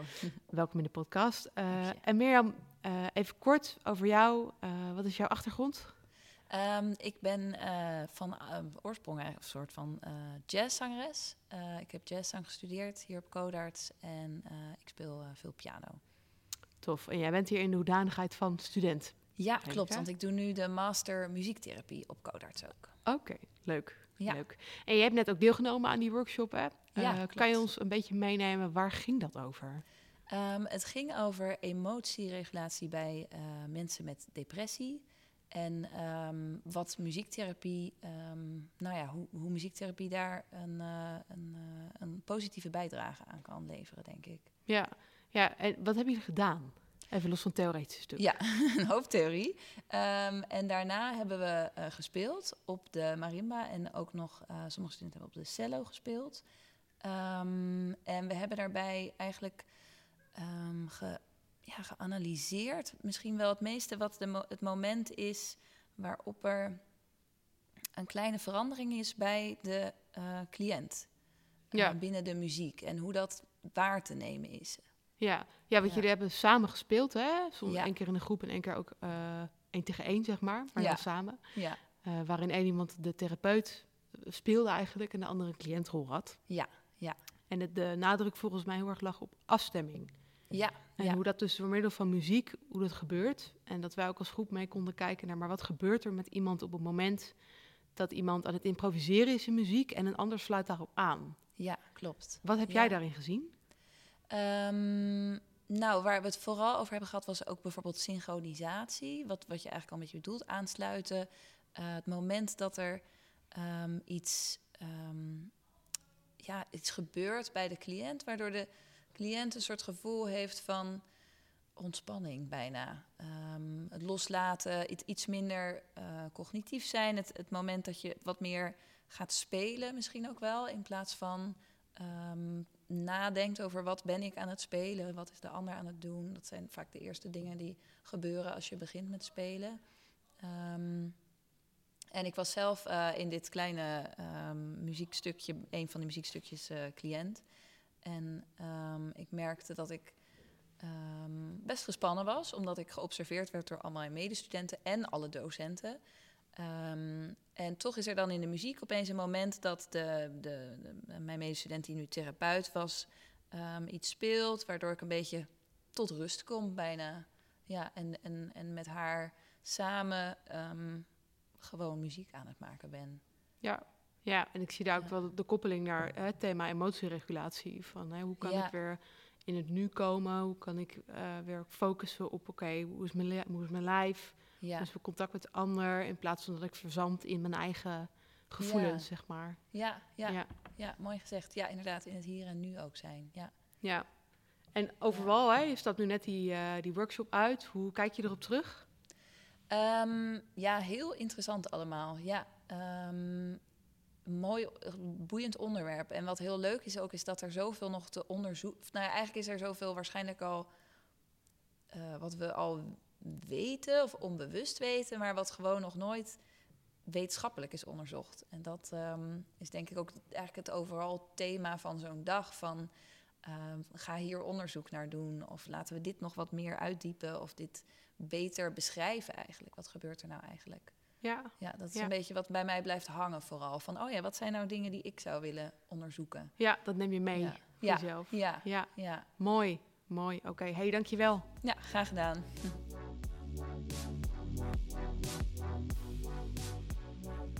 En dat was Mirjam, student van Codarts, die daar dus aanwezig was. Dat was een, uh, voor hun ook onderdeel van de opleiding, hè? Als in, dit wordt echt voor die opleiding ook georganiseerd. Ja, precies. Voor studenten is het verplicht om aan dit, dit soort dagen mee te doen. Ja. En uh, ja, ik vind dat eigenlijk heel sterk, heel mooi. Want je, uh, ja, het is niet een saaie les die je bij mag wonen, maar gewoon een heel breed palet aan uh, nou, sprekers, twee typen workshops waar je uit kan kiezen. Dus je hebt ook wel inspraak. En ik denk een hele mooie manier voor studenten ook om in contact te komen met mensen uit het werkveld. En om ook dat onderzoeksdeel te, te bevorderen, te, aan, te, aan te moedigen, zeg maar. Ja. Um, dus nou ja, heel mooi. En uh, nou ja, mooi hoe ze over die workshop vertelde. Ik zat daar zelf ook bij en daar gebeurde echt uh, een heleboel. Ja. En dat maakte ook meteen heel concreet. Uh, hè, dat ze, hebben, ze hebben eerst een vrij lange theoretisch verhaal gehad over wat EIMT nou precies is. En daarna zijn ze het meteen gaan doen, weet je. Dus dan Ja. maak je ook de beste koppeling naar, maar wat is het dan en hoe werkt het dan? Als je het gewoon kan ervaren. Ja, en daar komt onderzoek en praktijk dus eigenlijk samen zo op één dag. Precies. Ja, Ja. ja. Ja. Nou, en iemand die zich ook eh, bezig heeft gehouden, ook met, met eh, studenten wat meer bij onderzoek krijgen, dat is de volgende die jij hebt geïnterviewd. Absoluut. Die Ja. zich daar, eh, daarvoor inzet. En dat is Rosemarie Samaritter. Ja, ja, en zij is eh, ook lector aan deze school. En zij is eigenlijk ja, een van de mensen die, die deze dag heeft georganiseerd, zeg maar. Daar heeft zij heel veel tijd en moeite in gestoken om dit van de grond te krijgen. Super mooi. En ja, ik heb haar gesproken over hoe deze dag gegaan is. En hoe zij op de opleiding eigenlijk werken met dit, dit thema. En eh, ja, laten we even gaan En luisteren. meer. Ja, en meer. Oké.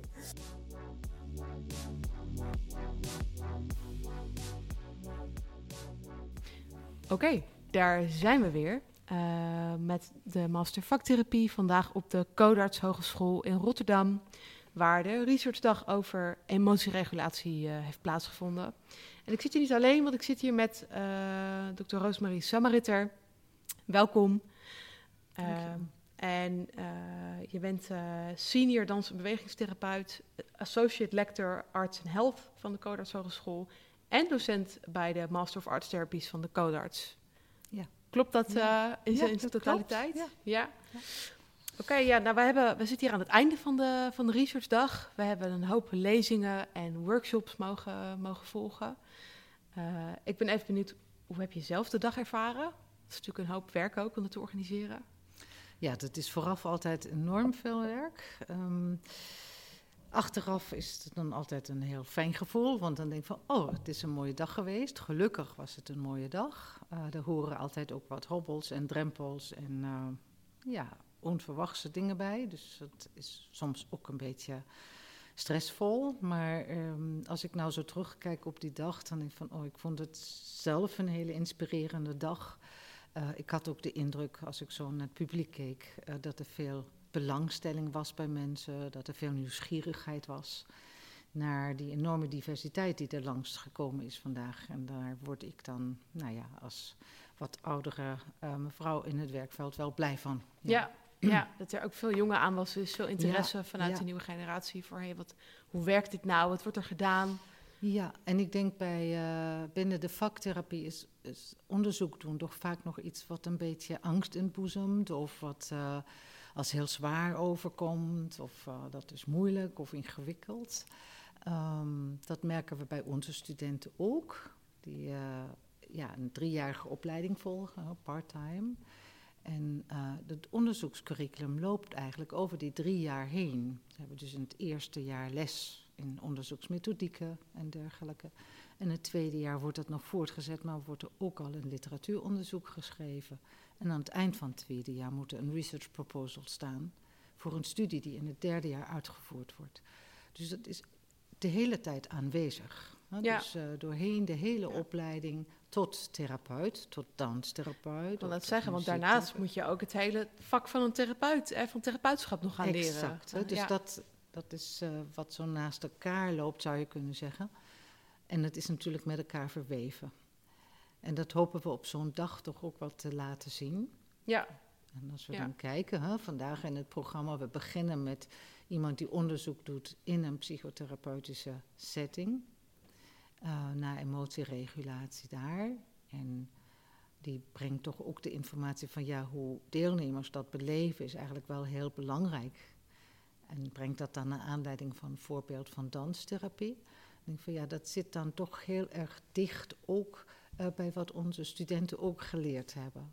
Dus hoe kan ik nou een deelnemersstudie organiseren? Ga ik interviews houden? Ga ik mensen misschien met een vragenlijst benaderen?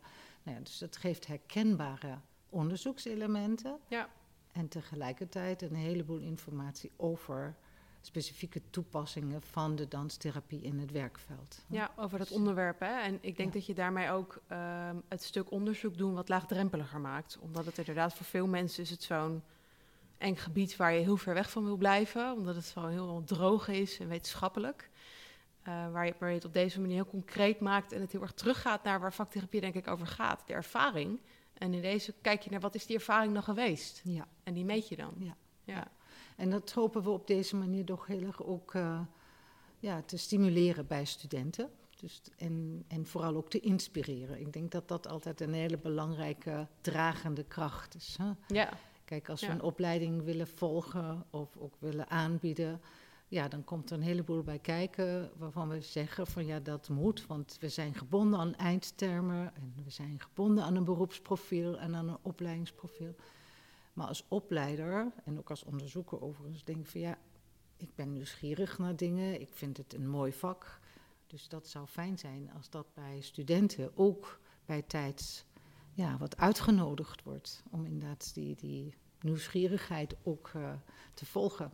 Zowel in therapeutisch opzicht, maar zeker ook in onderzoeksopzicht. Ja, ja en ik denk dat je, hè, als je opgeleid wordt tot beide, tot onderzoeker en als therapeut, dan, dan, dan kom je er ook niet meer aan, zeg maar. Het is alsof je ermee opgroeit ja. in je vak. Hè, waarbij, denk ik, uh, als je de andere route loopt, zo je wordt eerst opgeleid tot therapeut, dan moet het echt een bewuste keuze zijn om te stappen naar het onderzoeksstuk. Ja, dat is, dat is mooi dat je het zegt, want dat is wat ik nog zo heb uh, meegemaakt. Hè. Mijn generatie is natuurlijk nog therapeutisch opgeleid, waar eigenlijk onderzoek nog niet zo op de voorgrond stond. En ik heb inderdaad op, op een gegeven moment vanuit de klinische context heel bewust die stap genomen naar onderzoek. Uh, en dat heb ik wel in de klinische context uitgevoerd. Ik heb er als therapeut waanzinnig veel van geleerd. Ik denk echt dat me dat echt in therapeutisch opzicht nog eens op een ander plan gepropeld heeft. Echt. Dat heeft een enorme versnelling gegeven of verdieping. Um, maar het was echt een stap apart. Dus echt even uit die context stappen. Echt weer naar een andere lijn van denken uh, stappen. En uiteindelijk zou het natuurlijk fijn zijn als we die twee dingen meer bij elkaar brengen. En ik denk dat gebeurt nu in de mastersopleidingen die we in Nederland hebben, gebeurt dat. Wij zijn heel erg actief, allemaal denk ik, bezig om die verbinding van het therapeutschap met het onderzoekerschap uh, op te zoeken. Ja, hè, en natuurlijk ook doordat we dat zo praktijkgericht doen. Hè, waar, waar mensen vaak, als je hoort de, het woord onderzoek, denken we vaak aan uh, universitaire studies. Uh, waar, hè, waar, je vooral alleen maar in de boeken zit en de theorie. Waar wij denk ik als vaktherapeuten in het onderzoeksveld veel meer bezig zijn met wat gebeurt er in de praktijk. Wat zien we in de behandelingen. Waar ligt de behoefte bij, bij de cliënten en bij het beleid. En waar kunnen we daarop inspringen. Ja, ja klopt. Dat vond ik zo leuk aan vandaag, moet ik eerlijk zeggen. Als ik dan terugkijk zo. Dat er uh, in de ochtend studies gepresenteerd werden die uit het werkveld komen. In dit geval niet zozeer van huis uit vaktherapeuten die het doen, maar wel mensen die zeggen van hé, hey, wij komen iets tegen in ons werk als psychotherapeutisch onderzoeker of als medisch onderzoeker, dat te maken heeft met muziek en dans. En hey, nou ontdekken we dat er eigenlijk al een hele beroepsgroep is die daar uh, kennis over heeft. Er is kennisontwikkeling als het gaat om theorie en methode in dat vak, maar ook over dat domein en hoe dat onderzocht zou kunnen worden. Ja. En dat daar ook, dat hoorden we vanochtend, mensen zeggen van ja, het zou fijn zijn om daar tot samenwerking ook te komen. Dus dan krijg je echt een interdisciplinaire samenwerking. Precies. Ja, ja waar kunnen we elkaar gaan vinden? Ja, en ik denk dat vaktherapeuten daar eerlijk gezegd heel erg uh, specifiek en goed geschikt voor zijn. Omdat vaktherapie in zichzelf al zoveel interdisciplinariteit ja. uh, draagt. Hè? Dus Zeker. Je moet goed thuis zijn in je modaliteit of in je medium. Dus uh, in de muziek of in de dans of in het beeldende of in het drama. In het uh, bewegen en het spelen. En je moet goed thuis zijn in de, ja, in de methodische context daarvan. Dus ook in het psychologische of in het psychopathologische vraagstuk dat er mogelijkerwijs ligt. Of in het maatschappelijke vraagstuk dat er ja. ligt. Um, dus daar zitten al zoveel interdisciplinaire bewegingen. Ik denk dat juist vaktherapeuten op dat type onderzoek, dus hè, wat we vanochtend gezien hebben, muziek als medicijn, een parallel is dans als medicijn, bestaat ook in Nederland. Um, of het psychotherapeutisch onderzoek naar ervaringsgerichte, activiteitsgerichte uh, interventies. Dat, dat daar vaktherapie juist een hele goede bijdrage kan leveren. Ja, en, er, nou ja, en daar zijn we nu gewoon kaart naar, naar bezig, denk ik. Hè? Daar zijn we mooie ja. stappen in aan het zetten. Ja, ja. Huh, dat is de beroepsgroep, dat bedoel je denk ik, hè? De ja. beroepsgroep ja. algemeen is daarmee bezig. Ja, ja zeker. Ik Omdat ik ook denk hè, dat vaktherapeuten ook de neigingen waar kunnen hebben om op een eilandje te zitten. Hoewel we heel erg werken vanuit verbinding en daar ook echt in geschoold zijn, in contact maken en hè, de verbinding opzoeken, uh, denk ik ook dat we, omdat we zo gehecht zijn aan het mooie dat we doen, ehm, dat het af en toe de verbinding met de vakgebieden daarbuiten maken, dat dat toch zoeken is af en toe. En ik denk dat we daar wel heel veel stappen in aan het zetten zijn.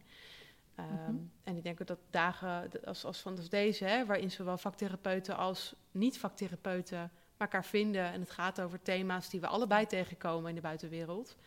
Uh, en in zorg, in het onderwijs, in de samenleving. Dat we daar elkaar ook in kunnen gaan vinden. Ja, dat is mooi dat je het aanwijst. Want daarom is deze dag ook in het curriculum. Precies. Ja, het is voor onze studenten een curriculumdag. Dus een verplichte dag. Die wel uh, de sfeer ademt van, ademt van een conferentie. Hè, dus, uh, of een symposium. Dus inderdaad, ja, de, de, ja. Het heeft een hele andere sfeer dan een normale lesdag. Um, maar het openen naar andere sectoren waar toch raakvlakken zijn, dat is denk ik wel een belangrijke competentie. En die hoort wat mij betreft ook in een opleiding dus thuis. Net zo goed als het kunnen presenteren van je vak of het presenteren van je specifieke bijdrage ook uh, bij een, een, professionele competentie hoort. En het kunnen presenteren op een congres uh, of een conferentie ergens misschien ook niet voor vaktherapeuten, maar voor ander publiek. En ik denk dat zo'n dag vandaag bij kan dragen om die dialoog alvast wat in te zetten. En ook, ik hoor van studenten ja, die het ook prettig vinden om met mensen aan te gaan praten en te discussiëren. Met van hé, hey, ik, kan, ik, kan, ik kan dat. Ik kan, daar dat. ik kan daar vertellen wat ik hier zit te doen. Of ik kan met wat mijn ervaring is uit mijn vakgebied aandokken bij iemand die uit een ander vakgebied komt. Nou, ik denk dat dat belangrijke elementen zijn om die ook ja, vroeg in de opleiding ook te ervaren. Absoluut, denk ik ook. Ja. En dan ben ik nog wel even benieuwd. Hè? Want kijk, het thema van de week van de vaktherapie is natuurlijk emotieregulatie. Um, hè, je had een heel divers programma waar, waar het ene heel expliciet over emotieregulatie ging en het andere implicieter. Ik vond bijvoorbeeld over de uh, music as medicine. Um, ja, dat ging echt wat meer ook over de, de, de medische uh, sector, ja. de fysiologische sector. Ja. Um, is, de, is emotieregulatie ook een thematiek die door die opleiding heen uh, nauw verweven zit, zeg maar? Of het is het heel vaak terugkomt en gethematiseerd wordt? Of? Ja, onder andere denk ik, hè, want dat is natuurlijk een van de grote clusters waarmee, waarmee we te maken hebben.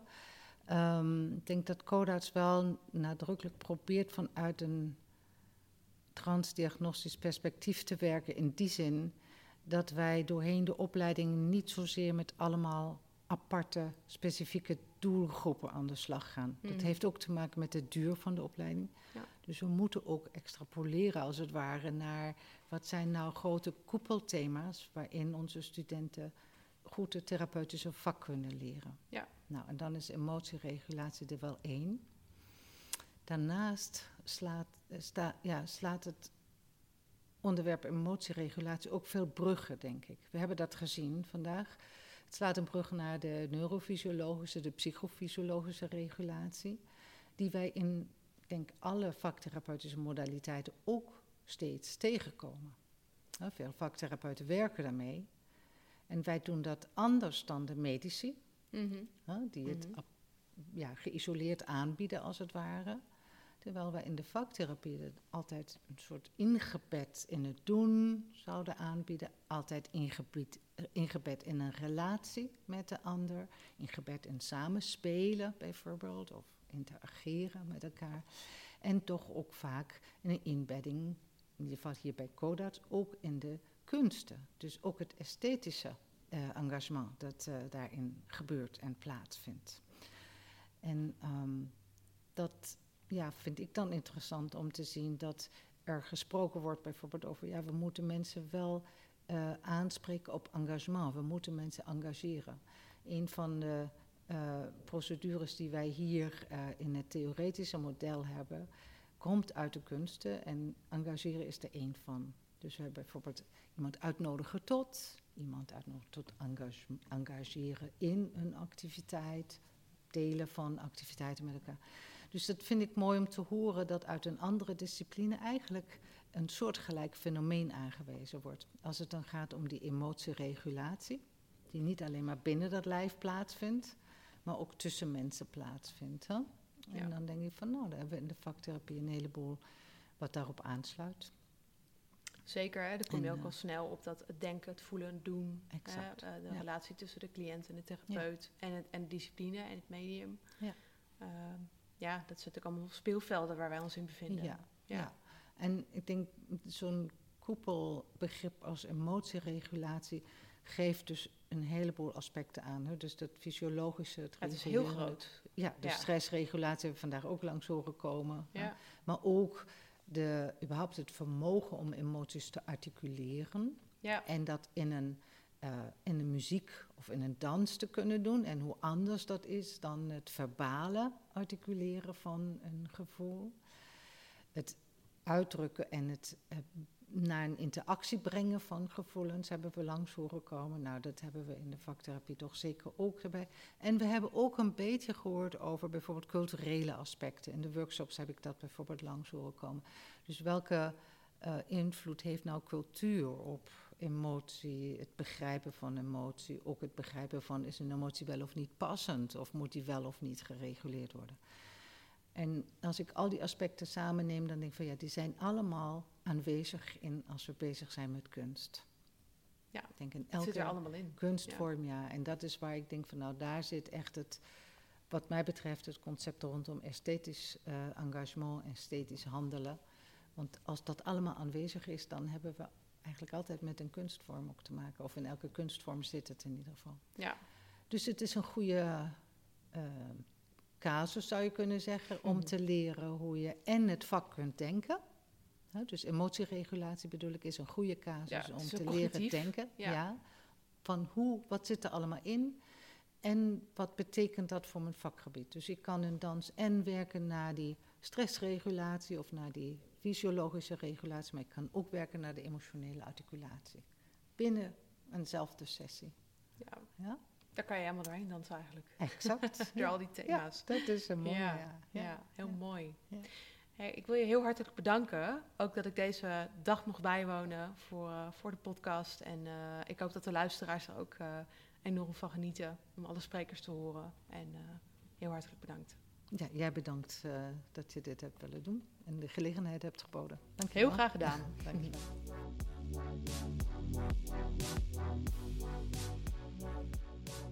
En dat was Rosemarie Samaritter. Ja. En een paar dingen die mij opvielen. En die ik ook even wil duiden. Eh, het is duidelijk dat deze dame heel ervaren is. En helemaal diep in, het onderzoek, eh, in de onderzoekswereld zit. Ja, absoluut. Ja, hè? Ja, ja, ze is senior danstherapeut. Hè. Heeft echt al eh, Mhm. ontzettend lang zit ze in het vak. Ja. En eh, heeft veel onderzoek gedaan. En is ook aan een lectoraat verbonden. ja, Dus dat ja. leidt zij in ieder geval. Ja. Ja, heel mooi. Ja. En ehm, wat ik, waar ik nog even bij stil wilde staan is transdiagnostische benadering. Het is misschien goed om dat eventjes nog te duiden. ja, voor de mensen die hier niet bekend mee zijn. Ja. Die denken, wat is dat? Wat bedoel ik daarmee? Ja, Dat is eigenlijk dat je niet naar een stoornis kijkt. maar naar het probleem wat iemand ervaart. Ja. Ja. Dus als je het hebt over emotieregulatie, hè, dus eh, problemen met het, het, het reguleren van je emoties, dus bijvoorbeeld eh woedeuitbarstingen hebben en oncontroleerbaar veel verdriet of eh, nou ja, hè, Ja, ja. noem het maar.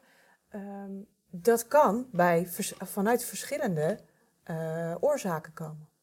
Hè? Maar het is, eh, het, het, het, het, het is dus trans, overko- overstijgend, ja. hè, diagnose overstijgend werken. Ook omdat het bij, bij best veel diagnoses eh, is daar vaak eh, sprake van. Precies. Ehm, du- dus ja, dan kan je niet zeggen, je hebt al die diagnoses. Maar het is eigenlijk een diagnose overstijgend iets. Ja. Ja.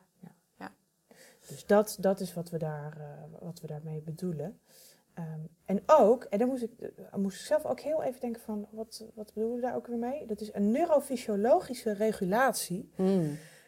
En dat gaat eigenlijk over, bijvoorbeeld, ik probeer het even in mijn eigen woorden uit te leggen. Ja. Als je, je hart klopt in je keel en je, het zweet breekt je uit en, en je, je bent gespannen en je gedachten gaan alle kanten op. Ben je nou mij aan het beschrijven van vanochtend? Toen wij de verkeerde opnameapparatuur hadden. Eh, eh, nou, ja, eigenlijk Ja. wel. Ja. dat is een mooi voorbeeld. Ja, dat, eh, lieve luisteraars, het, het, het, het podcast maken gaat niet altijd over rozen. Nee. Nee. nee. Zoals inderdaad eerder op deze opnamedag dat wij ja, de verkeerde apparatuur hadden. En dat was ehm, geheel toevallig mijn schuld. Fijn goed, dat je het even zegt. Even terug. jawel, jawel. Ja, maar ik wil best Ja. verantwoordelijkheid nemen. Ja. Nee, Heel eh, de, die neurofysiologische regulatie, dat gaat eigenlijk daarover. Hè? Het reguleren van je lijf, Ja. stresssignalen van je lijf en je hoofd. Klopt dat?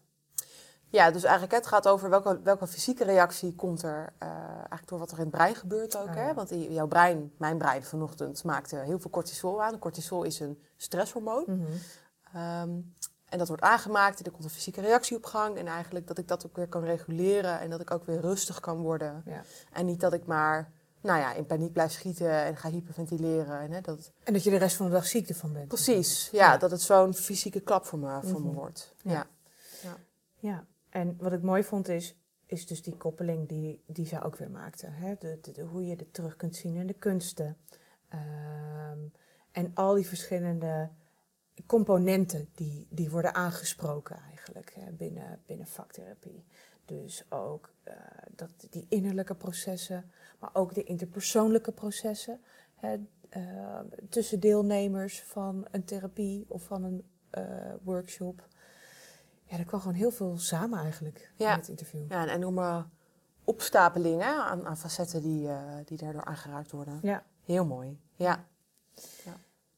Ja, dus heel erg bedankt. eh, iedereen eigenlijk die deel heeft genomen. Hè? Alle, alle mensen die jij hebt mogen interviewen. ja, ook echt heel hartelijk dank aan eh Codarts en in Ja. het bijzonder Simone Kleinlo en eh Rosemarie Samaritter. Eh, voor het mede mogelijk maken van deze aflevering, van deze special voor de Week van de Vaktherapie. Ja.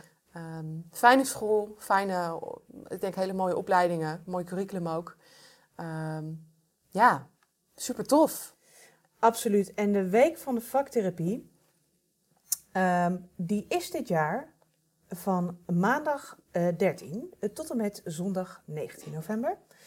En wij horen heel graag eh, van andere vaktherapeuten die eh, leuke dingen doen rondom Ja. deze week. Dus ehm, eh, laat het ons vooral weten via onze Gmail. Die is te vinden in onze beschrijving van de aflevering, de show notes. Ja. Ehm, Ja. Voor luisteraar, dat is ook vaktherapie, de podcast, at gmail.com. ja, Hij is op zich te volgen. Oh ja, oké. Ehm, nou ja, eh, we horen het heel graag. We zijn heel benieuwd wat er allemaal eh, leeft. Zo Ja. rond deze week van de vaktherapie. Wat doe jij op je werk om vaktherapie onder de aandacht te brengen? Ja, Wij horen het heel graag. zeker. Ja. En nou goed, verder zijn we te vinden op LinkedIn en Instagram. En ehm, ja, graag tot volgende keer. Ja, tot volgende. Oké dan.